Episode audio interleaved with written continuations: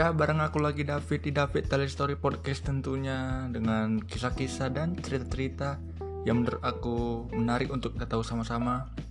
Dan terima kasih juga buat teman-teman yang udah mampir ke sini lagi dan jangan lupa di-share ke media sosial kalian biar podcast ini makin rame.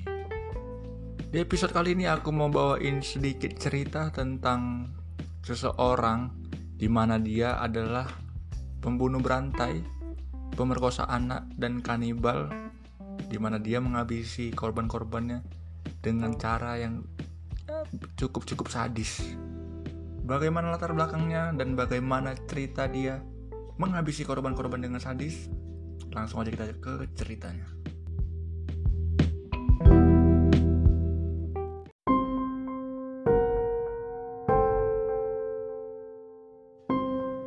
Albert Fish atau bernama lengkap Hamilton Howard Albert Fish lahir pada tanggal 19 Mei 1870 di Washington DC, Amerika Serikat. Ia merupakan anak bungsu dari tiga bersaudara. Albert tumbuh dalam keluarga yang hampir semua anggota keluarganya memiliki riwayat penyakit kejiwaan. Ibunya memiliki penyakit kejiwaan yang membuatnya sering berhalusinasi. Dua kakaknya juga pernah masuk rumah sakit karena gangguan mental, dan ayahnya sudah meninggal. Setelah ayahnya meninggal, sang ibu memasukkan Albert ke sebuah panti asuhan. Di panti asuhan itu ia sering mengalami penyiksaan.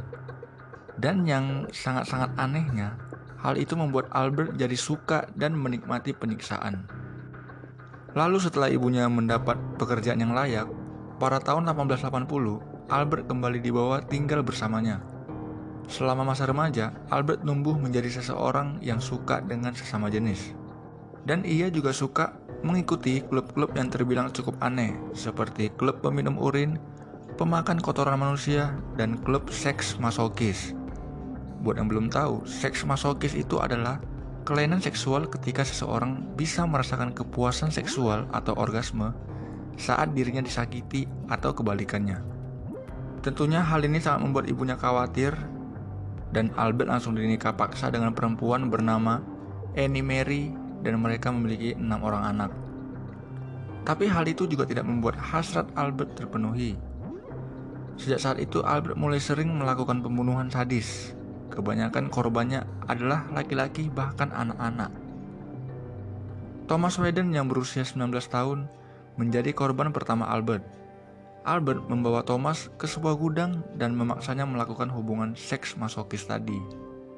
Albert juga memotong alat kelamin Thomas menjadi dua bagian. Lalu ia menyiramkan cairan asam ke tubuh Thomas dan meninggalkan jasadnya. Ini baru korban pertama ya. Kita udah lihat si Albert ini memang sadis dan kita gak tahu nih ke depan ini bakal kayak mana nih. Lalu pada 1917, Albert ditinggal sang istri yang memutuskan untuk menikah dengan pria lain Albert tinggal bersama enam anaknya dan ia semakin gila. Albert kerap melakukan hal aneh seperti membungkus dirinya dengan karpet, menusukkan jarum ke selangkangan dan perutnya. Bahkan nih, Albert sering meminta anaknya untuk memukuli bokongnya. Dia juga sering menyajikan daging mentah sebagai hidangan makan malam. Albert yang semakin tak terkendali mulai membunuh beberapa anak kecil yang kebanyakan berasal dari ras kulit hitam. Ia juga membayar orang untuk menangkap anak-anak untuk disiksa dan dimutilasi. Menurutnya, bisikan Tuhanlah yang memerintahkannya untuk menyiksa dan membunuh anak kecil lebih banyak lagi. Waduh dulu dulu Albert Albert. Lalu Francis McDonald yang merupakan anak berusia 8 tahun ini ditemukan meninggal dalam keadaan tergantung di sebuah hutan dekat rumahnya. Alat kelamin dan kaki anak itu ditemukan dalam keadaan yang sudah sobek dan hancur. Udah gila si Albert nih, sumpah. Pembunuhan yang paling sadis yang dilakukan Albert adalah pembunuhan seorang anak laki-laki bernama Billy Gaffney berumur 4 tahun. Albert membawa Billy ke rumah kosong di daerah Ricker Ave, kemudian melepas semua bajunya, mengikat tangan dan kakinya, lalu menyumpal mulutnya dengan lap kotor. Lalu ia mencambuki Billy dari belakang dengan ikat pinggang hingga darah segar mengalir dari badan Willy. si Albert juga memotong telinga, hidung, dan menyayat wajah Billy. Ia juga mencungkil bola matanya dan yang lebih sadis nih, ya, Albert mengisap darah yang keluar dari tubuh Billy. Kurang gila apa si Albert nih? Dan setelah tewas, Albert kemudian memotong-motong tubuh Billy dan memasukkannya ke dalam karung, berisikan batu, lalu membuangnya di sebuah kolam berlumpur di kawasan North Beach. Ia juga membawa beberapa potongan tubuh Billy untuk dimasak di rumah. Dan akhirnya Albert ditangkap dan menjalani persidangan. Albert didakwa dengan beberapa dugaan kasus pembunuhan, dan para ahli menyatakan Albert mengalami kelainan fetis seperti dirinya yang menyukai penyiksaan, mutilasi, dan pembunuhan untuk memuaskan hasrat seksualnya. Tapi yang bisa terbilang unik nih, Albert dinyatakan waras dan tidak mengalami gangguan jiwa. Artinya, ia melakukan semua perbuatannya dalam keadaan sadar layaknya manusia normal tanpa ada gangguan jiwa. Karena menurut para, para ahli, hal itu merupakan sebuah penyimpangan fetis seksual yang memang bisa saja dialami oleh orang yang waras. Setelah persidangan yang memakan waktu hingga 10 hari, Albert akhirnya dinyatakan waras dan bersalah. Ia dijatuhi hukuman mati dengan kursi listrik yang dilaksanakan pada 16 Januari 1936.